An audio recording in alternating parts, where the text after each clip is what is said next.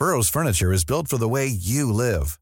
From ensuring easy assembly and disassembly to honoring highly requested new colors for their award-winning seating, they always have their customers in mind. Their modular seating is made out of durable materials to last and grow with you. And with Burrow, you always get fast, free shipping. Get up to 60% off during Burrow's Memorial Day sale at burrow.com slash ACAST. That's burrow.com slash ACAST. burrow.com slash ACAST. Hey, I'm Ryan Reynolds. Recently, I asked Mint Mobile's legal team if big wireless companies are allowed to raise prices due to inflation. They said yes. And then when I asked if raising prices technically violates those onerous two-year contracts, they said, what the f*** are you talking about, you insane Hollywood ass?" So to recap, we're cutting the price of Mint Unlimited from $30 a month to just $15 a month. Give it a try at mintmobile.com slash switch. $45 upfront for three months plus taxes and fees. Promo rate for new customers for limited time. Unlimited more than 40 gigabytes per month. Slows. Full terms at mintmobile.com. Everyone knows therapy is great for solving problems, but getting therapy has its own problems too, like finding the right therapist, fitting into their schedule, and of course, the cost. Well, BetterHelp can solve those problems. It's totally online and built around your schedule. It's surprisingly affordable too. Connect with a credentialed therapist by phone, video, or online chat, all from the comfort of your home. Visit betterhelp.com to learn more and save 10% on your first month. That's BetterHelp H E L P. Tidigt under morgonen den 3 januari 2022 kom det in ett larmsamtal från en bostad i det lilla samhället Slaughter i Louisiana. Detta efter att Sheila Fletcher hade upptäckt att hennes 36-åriga dotter Lacey hade slutat andas. Ambulansteamet som inom kort anlände till hemmet möttes därefter av en syn och en lukt som de sent skulle glömma. En utredning kring Lacys död påbörjades och den fruktansvärda sanningen om hur hon spenderat den senare delen av sitt liv skulle snart komma upp till ytan.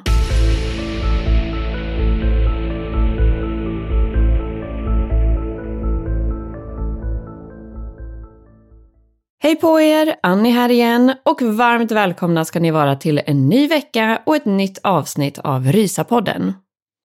Och idag ska jag faktiskt ta er igenom ett fall som en av våra lyssnare skickade in som heter Sara. Och det är nämligen fallet kring 36-åriga Lacey Fletcher som blev vanvårdad till döds av sina egna föräldrar. I sitt mejl så beskrev Sara fallet som tragiskt och obegripligt och jag skulle verkligen hålla med om att det är precis den rätta beskrivningen. Man kan helt enkelt inte förstå hur det här kunde hända och det ska sägas redan nu att det här är ett ganska magstarkt avsnitt så att säga. För att kunna förklara det här fallet ordentligt så kommer jag nämligen att behöva gå in på ganska mycket detaljer kring Lacys död och den vanvård som hennes föräldrar faktiskt utsatte henne för. Och det här handlar alltså inte om våld eller sexuella övergrepp eller så, utan framförallt om hygieniska faktorer. Så om man är lite extra känslig för sånt så har jag i alla fall nu försökt att skicka med en liten varning innan. Men med det sagt så tycker jag att vi tar och sätter igång direkt här.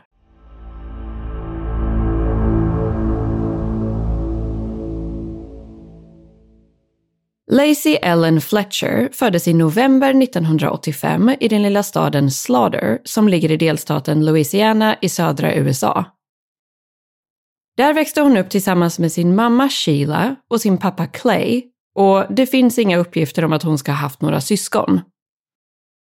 När Lacey var runt nio år gammal så flyttade familjen till ett fint litet tvåvåningshus där de sen skulle bo kvar ända fram till hennes tragiska död. Som barn hade Lacey ganska många kompisar och lekte ofta och gärna med de andra barnen som bodde i grannområdet. I den tidigare delen av tonåren studerade hon sen vid Brownsville Baptist Academy och var bland annat en uppskattad del av skolans volleybolllag. Hon ska dessutom ha haft ett väldigt stort intresse för countrymusik och Disneyfilmer. Det finns en del bilder på Lacey från den här perioden, bland annat när hon stolt poserar med volleybolllaget och från skolans årsbok. Hon har ett stort och brett leende på bilderna och verkar utifrån som en helt vanlig glad och frisk ung tjej. Men när Lacey var runt 14-15 år gammal ungefär så började saker och ting förändras. Istället för att gå till skolan varje dag så blev hon nu hemskolad och träffade därför sina vänner betydligt mer sällan än tidigare. Flera av hennes vänner och bekanta har till och med uttalat sig om att det här var sista gången de såg Lacey överhuvudtaget. Efter detta så blev hon mer och mer isolerad och syntes knappt ens till runt om i grannområdet längre. En person som har uttalat sig mycket om det här fallet är en man vid namn Robert Blades. Han bodde granne med familjen Fletcher på den här tiden och har beskrivit hur Lacey brukade springa runt och leka på gatan med de andra grannbarnen. Bland annat med hans egen son som var i ungefär samma ålder som Lacey. Hon var alltid ganska fysiskt aktiv och brukade träna ute på gatan ibland med små vikter. Både Robert och hans son har beskrivit att hon var en snäll och trevlig ung tjej som dessutom var otroligt smart. Däremot var hon lite speciell på det sättet att hennes intressen även i senare tonåren inte riktigt matchade med andra ungdomar i samma ålder. Hon kändes helt enkelt lite omogen på det sättet, vilket kanske också bidrog till att hon sen började spendera allt mer tid på egen hand. Senaste gången grannen Robert såg Lacey utanför familjens bostad ska ha varit år 2007 och hon var då ungefär 21 år gammal. Efter detta så fortsatte åren passera och Lacey syntes till mindre och mindre tills dess att hon aldrig syntes till längre. Och nu tänker jag att vi ska ta ett stort hopp framåt i tiden och landa in i den mer chockerande delen av det här fallet. Mer exakt så började den obehagliga och obegripliga sanningen om Lacys faktiska livssituation komma upp till ytan så pass sent som måndagen den 3 januari år 2022. Då ringde nämligen Lacys mamma Sheila Fletcher in till larmcentralen och förklarade att hennes 36-åriga dotter hade slutat andas. Sheila och hennes make Clay, som nu hade hunnit bli runt 65 år gamla, tog emot ambulansteamet som snabbt kom dit efter larmsamtalet. Paret förklarade sedan att de hade varit iväg på en weekendresa under helgen och att deras dotter hade stannat hemma. När de sen kom hem igen hade de tidigt under måndagsmorgonen upptäckt Lacey på soffan i vardagsrummet och då noterat att hon hade slutat andas. Och givetvis låter det ju märkligt att en ung kvinna helt plötsligt hade slutat andas, men det låter ju däremot inte särskilt konstigt att hennes föräldrar hade hittat henne sittandes i soffan. Men den här situationen var allt annat än vanlig eller normal och Lacey hade faktiskt inte suttit i soffan på det sättet som man normalt kanske föreställer sig. Utan hennes kropp var snarare som fastsmält i soffan. Så fort ambulansteamet klev innanför dörren insåg de att det var någonting som inte stod rätt till inne i bostaden. Det första de noterade var en överväldigande lukt av bland annat urin och avföring. Något som kändes lite konstigt eftersom att hemmet överlag såg ganska fint och städat ut. Men när ambulanspersonalen väl kom fram till den bruna gamla skinnsoffan där Lacey hade hittats död så blev det tydligt att det var källan till den fruktansvärda lukten som fanns i hemmet. Hon var delvis påklädd och hennes livlösa kropp satt i en upprätt position med benen under sig, lite som i skräddarställning. Under kroppen var det som ett stort hål eller som en slitning i soffan, som i väldigt många artiklar har beskrivits nästan som en krater. Och det här djupa hålet hade alltså bildats eftersom att Lacey verkade ha suttit på exakt samma plats i soffan under en väldigt, väldigt lång tid. Det var också tydligt att hon inte hade lämnat soffan ens för att gå på toaletten eftersom att hålet och området runt omkring var täckt av både urin och avföring. Så pass mycket att det hade sipprat ut och skadat trägolvet under soffan. Lacey ska dessutom ha haft utsmetad avföring över hela kroppen och till och med i ansiktet, in i öronen och i håret. Utöver den aspekten så var hela Lacys kropp i ett extremt vanvårdat tillstånd och det var uppenbart att det här inte hade hänt över en helg, utan en betydligt längre period än så. Lacey hade stora röda utslag i ansiktet, kroppen var full av bett från insekter och fluglarver eller likmaskar hade till och med börjat äta på delar av hennes kropp. Hon hade stora öppna infekterade sår som hade blivit så pass djupa att de nästan hade gått hela vägen ner till skelettet. Och utifrån att hon också hade använt soffan som toalett så hade det såklart skapat väldigt mycket vätska och fukt, vilket alltså hade gjort att den nedre delen av hennes kropp i princip hade smält samman med soffans material. Som man kan förstå så dröjde det inte särskilt länge alls innan ambulansteamet insåg att det nu var dags att kalla på förstärkning. Både polis och en obducent vid namn Dr. Ewell Pickham anlände kort därefter. Och trots att de hade blivit varnade om situationen så kunde de fortfarande inte förbereda sig för synen och lukten som väntade inne i bostaden. Både den ansvarige polisen och obducenten Ewell har senare uttalat sig om att de har sett många hemskheter under sin tid inom yrket. Men att det här utan tvekan var det värsta de någonsin hade upplevt på en brotts eller olycksplats. Det var ingen fråga om att Lacey måste ha mått fruktansvärt dåligt innan hon dog. Och utifrån att hon bodde hemma och att hennes föräldrar påstod sig vara hennes vårdare så började polisen givetvis med att prata med de två för att försöka förstå vad som egentligen hade hänt. Enligt uppgift så ska Clay ha framstått som ganska känslokall eller opåverkad när räddningspersonalen kom dit, medan Sheila ska ha verkat lite mer upprörd och ledsen. Ingen av dem ska dock ha haft den typen av reaktion som man kanske skulle kunna vänta sig av två föräldrar som precis hade upptäckt att deras dotter hade dött. Något som för de flesta föräldrar skulle vara det absolut värsta och mest smärtsamma som skulle kunna hända. När man till slut lyckades få loss Lacys kropp från soffan så skickades den iväg för att undersökas av obducenten Ewell. Och trots att han var erfaren och hade arbetat inom det här området under väldigt många år så ska det ha varit en otroligt tuff uppgift. Han har till och med beskrivit att han grät flera gånger efter att han hade undersökt Lacys kropp och att han hade svårt att äta i ungefär en vecka efteråt. När hon hittades, det vill säga den 3 januari 2022, så vägde Lacey ungefär 40 kilo och testade även positivt för covid-19. Men att avgöra själva dödsorsaken var definitivt inte det enklaste eftersom att kroppen var i ett så pass dåligt och vanvårdat tillstånd. Lacey hade bland annat lidit av långvarig undernäring och senare akut svält.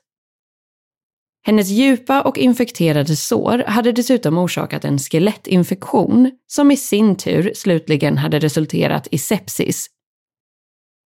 Och precis som vi var inne på tidigare så hade det här definitivt inte hänt under loppet av några dagar eller under tiden som föräldrarna var borta på sin weekendresa, utan Lacey hade troligtvis haft en långdragen och plågsam död.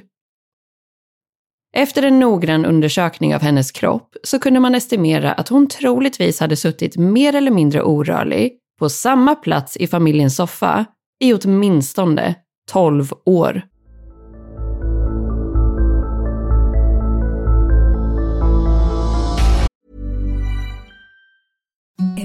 Softest sheets you've ever felt. Now imagine them getting even softer over time. That's what you'll feel with Bowl and Branch's organic cotton sheets. In a recent customer survey, 96% replied that Bowl and Branch sheets get softer with every wash. Start getting your best night's sleep in these sheets that get softer and softer for years to come. Try their sheets with a 30-night guarantee. Plus, get 15% off your first order at bowlandbranch.com. Code BUTTERY. Exclusions apply. See site for details.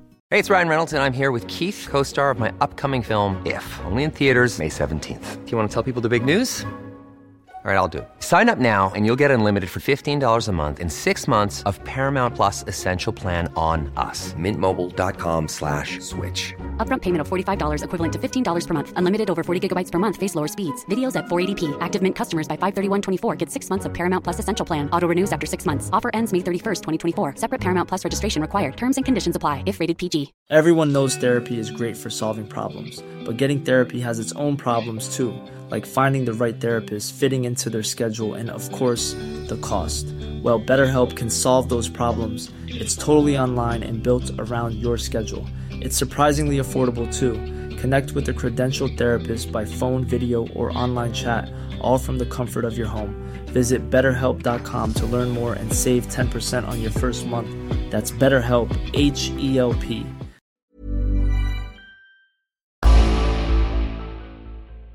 Nu när vi har gått igenom Lacys fysiska tillstånd så tänker jag också att vi ska ta och gå in lite mer på det psykiska tillståndet. I det här fallet så rapporteras det nämligen ofta att Lacey ska ha lidit av ett extremt sällsynt neurologiskt tillstånd som brukar kallas för locked in syndrome. Den som drabbas av det här tillståndet är då ofta fullt medveten och närvarande om sin omgivning, men har ofta helt paralyserade muskler och kan därför inte röra sig, visa känslor eller reaktioner med hjälp av ansiktsuttryck eller ens prata. Det enda som brukar kunna fungera som kommunikationsväg är därför att använda sig av kodade blinkningar eftersom att just ögonen tydligen inte brukar drabbas. Och jag hade aldrig hört talas om det här tillståndet tidigare, men det låter verkligen helt fruktansvärt och det brukar till och med beskrivas som det närmaste man som människa kan komma till att bli levande begravd. Det ska dock sägas att trots att det finns otaliga källor som rapporterar att Lacey ska ha varit drabbad av så kallat locked in syndrome, så verkar det som att många experter, däribland obducenten Ewell Bickham, inte håller med om detta. Däremot ska Lacys föräldrar ha förklarat att hon långt före sin död hade blivit diagnostiserad med en svårare grad av autism och social ångest eller social fobi. Och just de här diagnoserna har man också kunnat bekräfta att hon faktiskt led av eftersom att det ska ha funnits dokumentation som kunde styrka att så var fallet. Bland annat ska hon ha träffat en psykolog vid flera tillfällen för sin sociala ångest. Dock är det ju väldigt svårt att veta exakt hur de här diagnoserna faktiskt påverkade Lacey i vardagen eftersom att hon inte hade haft något socialt liv på väldigt många år och uppenbarligen hade spenderat mer än ett decennium sittande på soffan innan det att hon dog. De enda som egentligen hade den här informationen och den fullständiga sanningen var ju faktiskt Clay och Sheila som påstod att de hade gjort sitt yttersta för att ta hand om sin dotter. De ska bland annat ha sagt att de regelbundet tvättade Lacey och lagade mat till henne. Sheila ska också ha förklarat att hon alltid brukade rengöra alla Lacys sår ordentligt. Det vill säga de sår som hade blivit så pass infekterade att huden hade börjat ruttna hela vägen ner till skelettet. Enligt föräldrarna själva så ska Lacys autism ha förvärrats ungefär när hon var 14 år gammal och de ska då ha fattat beslutet att hon skulle hemskolas istället. Och det var ju alltså runt den här tidpunkten som hon sakta började försvinna mer och mer från alla andra externa relationer och sammanhang utöver sina föräldrar. Runt år 2010, när Lacey var i 25-årsåldern, så ska Clay och Sheila ha besökt en läkare för att få lite rådgivning om sin dotters hälsa. De ska däremot inte ha valt att låta Lacey själv följa med på besöket.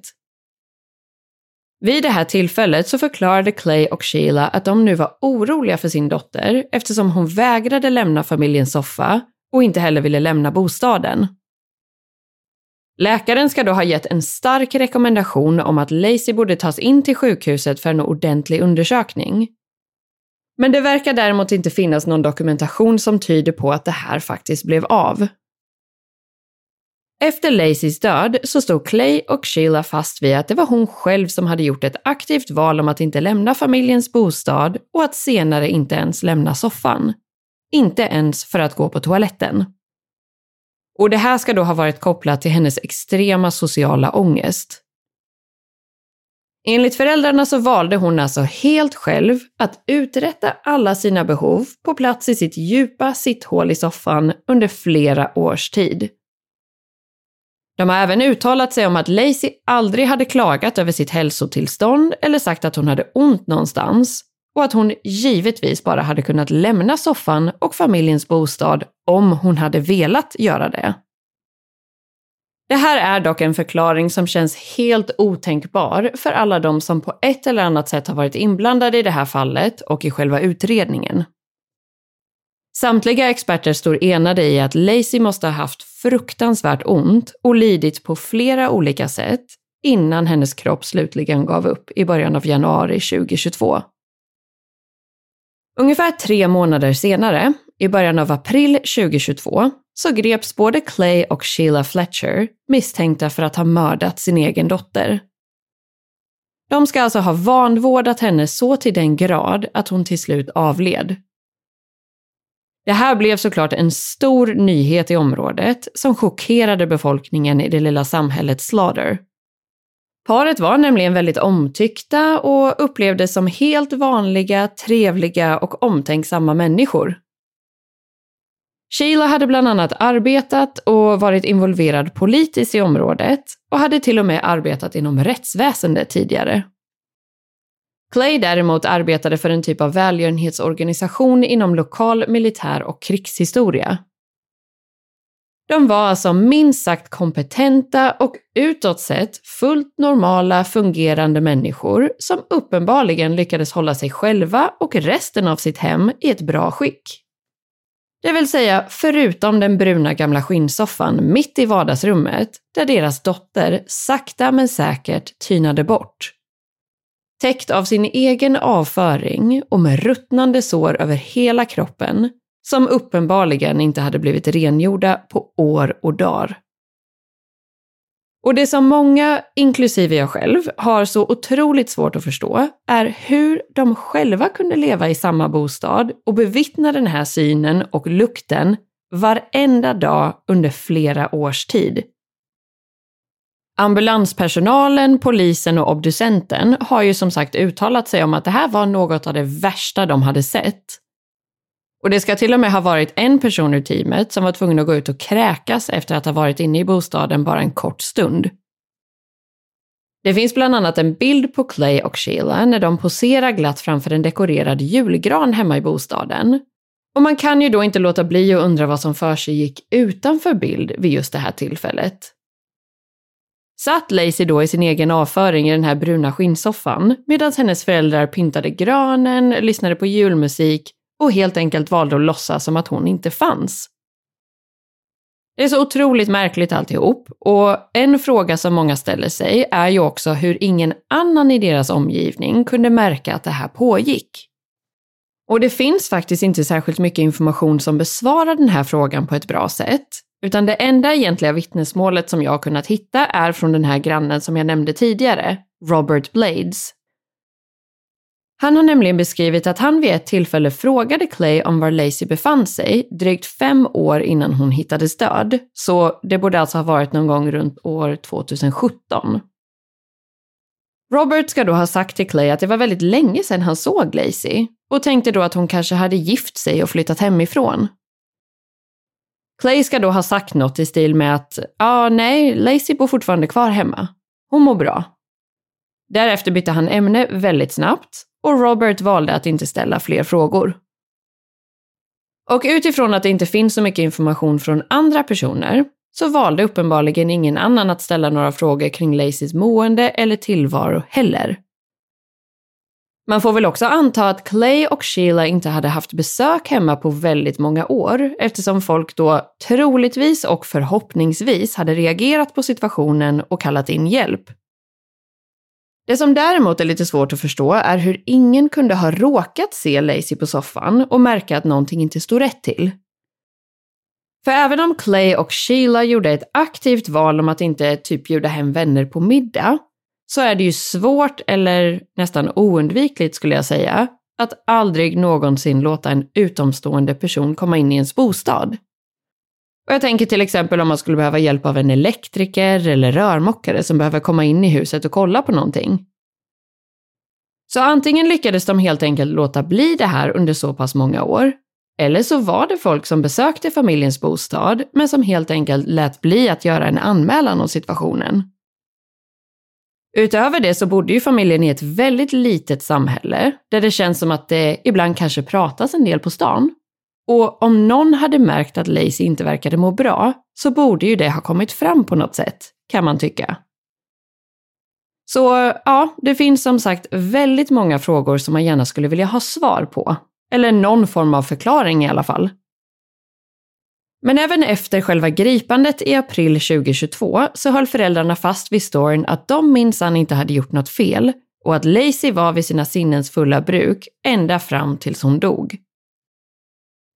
I början av maj 2022 blev Clay och Sheila officiellt åtalade för mord av andra graden som med andra ord är något mildare graden som används i USA och som innebär att det fortfarande klassas som mord, men inte med samma typ av uppsåt och planering som mord av första graden. I samband med den här processen ska en jury bestående av totalt 12 medlemmar ha fått ta del av detaljerade bilder av Lacys kropp och tillståndet hon befann sig i när hon upptäcktes. Enligt uppgift ska de här bilderna ha varit så pass hemska och groteska att man i förebyggande syfte innan bilderna visades upp hade kallat in vårdpersonal ifall någon medlem ur juryn skulle svimma eller behöva hjälp efteråt. Och även om Lacey var deras dotter så var hon ju visserligen också en vuxen 36-årig kvinna. Men Clay och Sheila åtalades för mordet eftersom att de var hennes huvudsakliga vårdare och uppenbarligen inte hade skött uppgiften överhuvudtaget. I väntan på rättegång släpptes både Clay och Sheila mot borgen och trots att summan var satt runt 300 000 dollar per person så lyckades de snabbt ordna med en finansieringslösning och blev därför frisläppta ganska direkt. I samband med det här så valde de att undvika media helt och hållet och att istället låta sin försvarsadvokat göra ett uttalande. Han ska då ha sagt att paret Fletcher inte önskade att återigen behöva genomlida förlusten av sin dotter och att de hade fått stå ut med tillräckligt mycket smärta under alla de åren som passerat. Han ska också ha sagt att alla föräldrar som har förlorat ett barn säkerligen kan relatera till situationen. Ett uttalande som många provocerades av och som många ställer sig frågande till eftersom att det känns som att Lacys död definitivt hade kunnat undvikas. Eller rent krass som att de inte alls hade förlorat ett barn, utan att de snarare medvetet och systematiskt valde att avsluta sitt eget barns liv. Ungefär ett år senare, så nu i maj 2023, valde den ansvarige domaren att lägga ner åtalet om mord. Och det här ska framförallt ha varit efter att Clay och Sheilas försvarsteam hade påpekat felaktiga formuleringar i dokumenten för åtalet. Rättegången för paret skulle annars ha påbörjats i juni 2023, men den processen blev alltså inte av. Men kort efter domarens beslut, under juni månad, så valde åklagarsidan att presentera bevisföringen för en ny jury och den 19 juni i år så blev Clay och Sheila Fletcher än en gång åtalade för mordet på Lacey. Även den här gången blev det för mord av andra graden. Paret är nu fortsatt frisläppta i väntan på ny rättegång och den ansvarige åklagaren, Sam Dakilla, har uttalat sig om att han hoppas på att få ett bekräftat datum för rättegången innan det här året är slut. Och utifrån vad jag har kunnat hitta så är det fortfarande inte bestämt när det här ska ske. Sam har även uttalat sig om att Lacey Fletchers dödsfall bör ses som ett brott mot mänskligheten och att det nya åtalet är viktigt för att sända ett budskap om att man har ett viktigt ansvar som vårdare. Om man befinner sig i en sån här typ av situation så är det ens plikt att agera och söka vård. Förhoppningsvis kommer rättegången äga rum inom en snar framtid och ge Lacey någon form av rättvisa. Om Clay och Sheila Fletcher nu döms för mord av andra graden så kommer deras straff bestämmas utifrån det som gäller i just delstaten Louisiana. Och i det här fallet innebär det livstids fängelse utan möjlighet till villkorlig frigivning.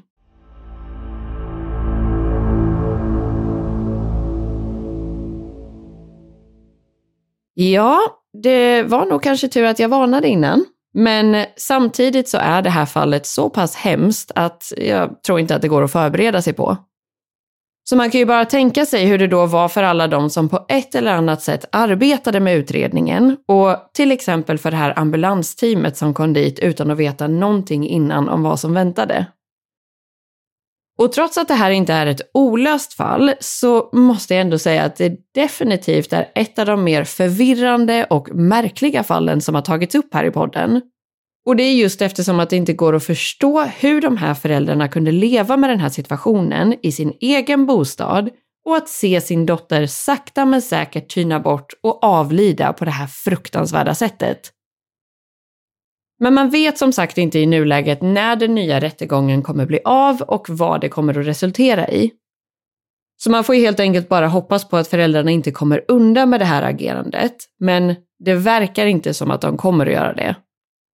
Och framförallt att Lacys tragiska bortgång kan bli en påminnelse om att man som utomstående kanske ibland borde agera och faktiskt göra någonting om man har en stark känsla av att saker och ting inte står rätt till. Även om skulden för Lacys död givetvis ligger hos Clay och Sheila som svek sin dotter på det värsta tänkbara sättet. Men trots att det här var ett ganska intensivt avsnitt så hoppas jag i alla fall att ni har tyckt att det var intressant att ta del av.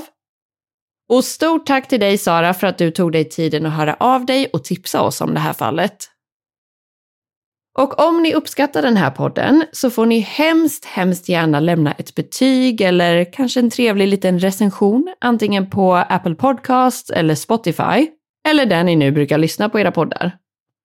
För i ärlighetens namn så förstår vi knappt själva exakt hur det fungerar. Men när ni är ett gäng som har lämnat fina betyg om podden så ser vi ganska direkt att vi ökar i lyssningar, vilket såklart är väldigt roligt. Så om ni har tid, lust och ork så får ni hemskt gärna hjälpa oss att sprida ordet om podden på det sättet. Eller kanske genom att tipsa en vän eller kollega eller någon ni tror skulle kunna uppskatta podden. Och tills vi hörs igen nästa måndag så vill jag såklart säga tusen tack för att just du har valt att lyssna på det här avsnittet av Risa-podden.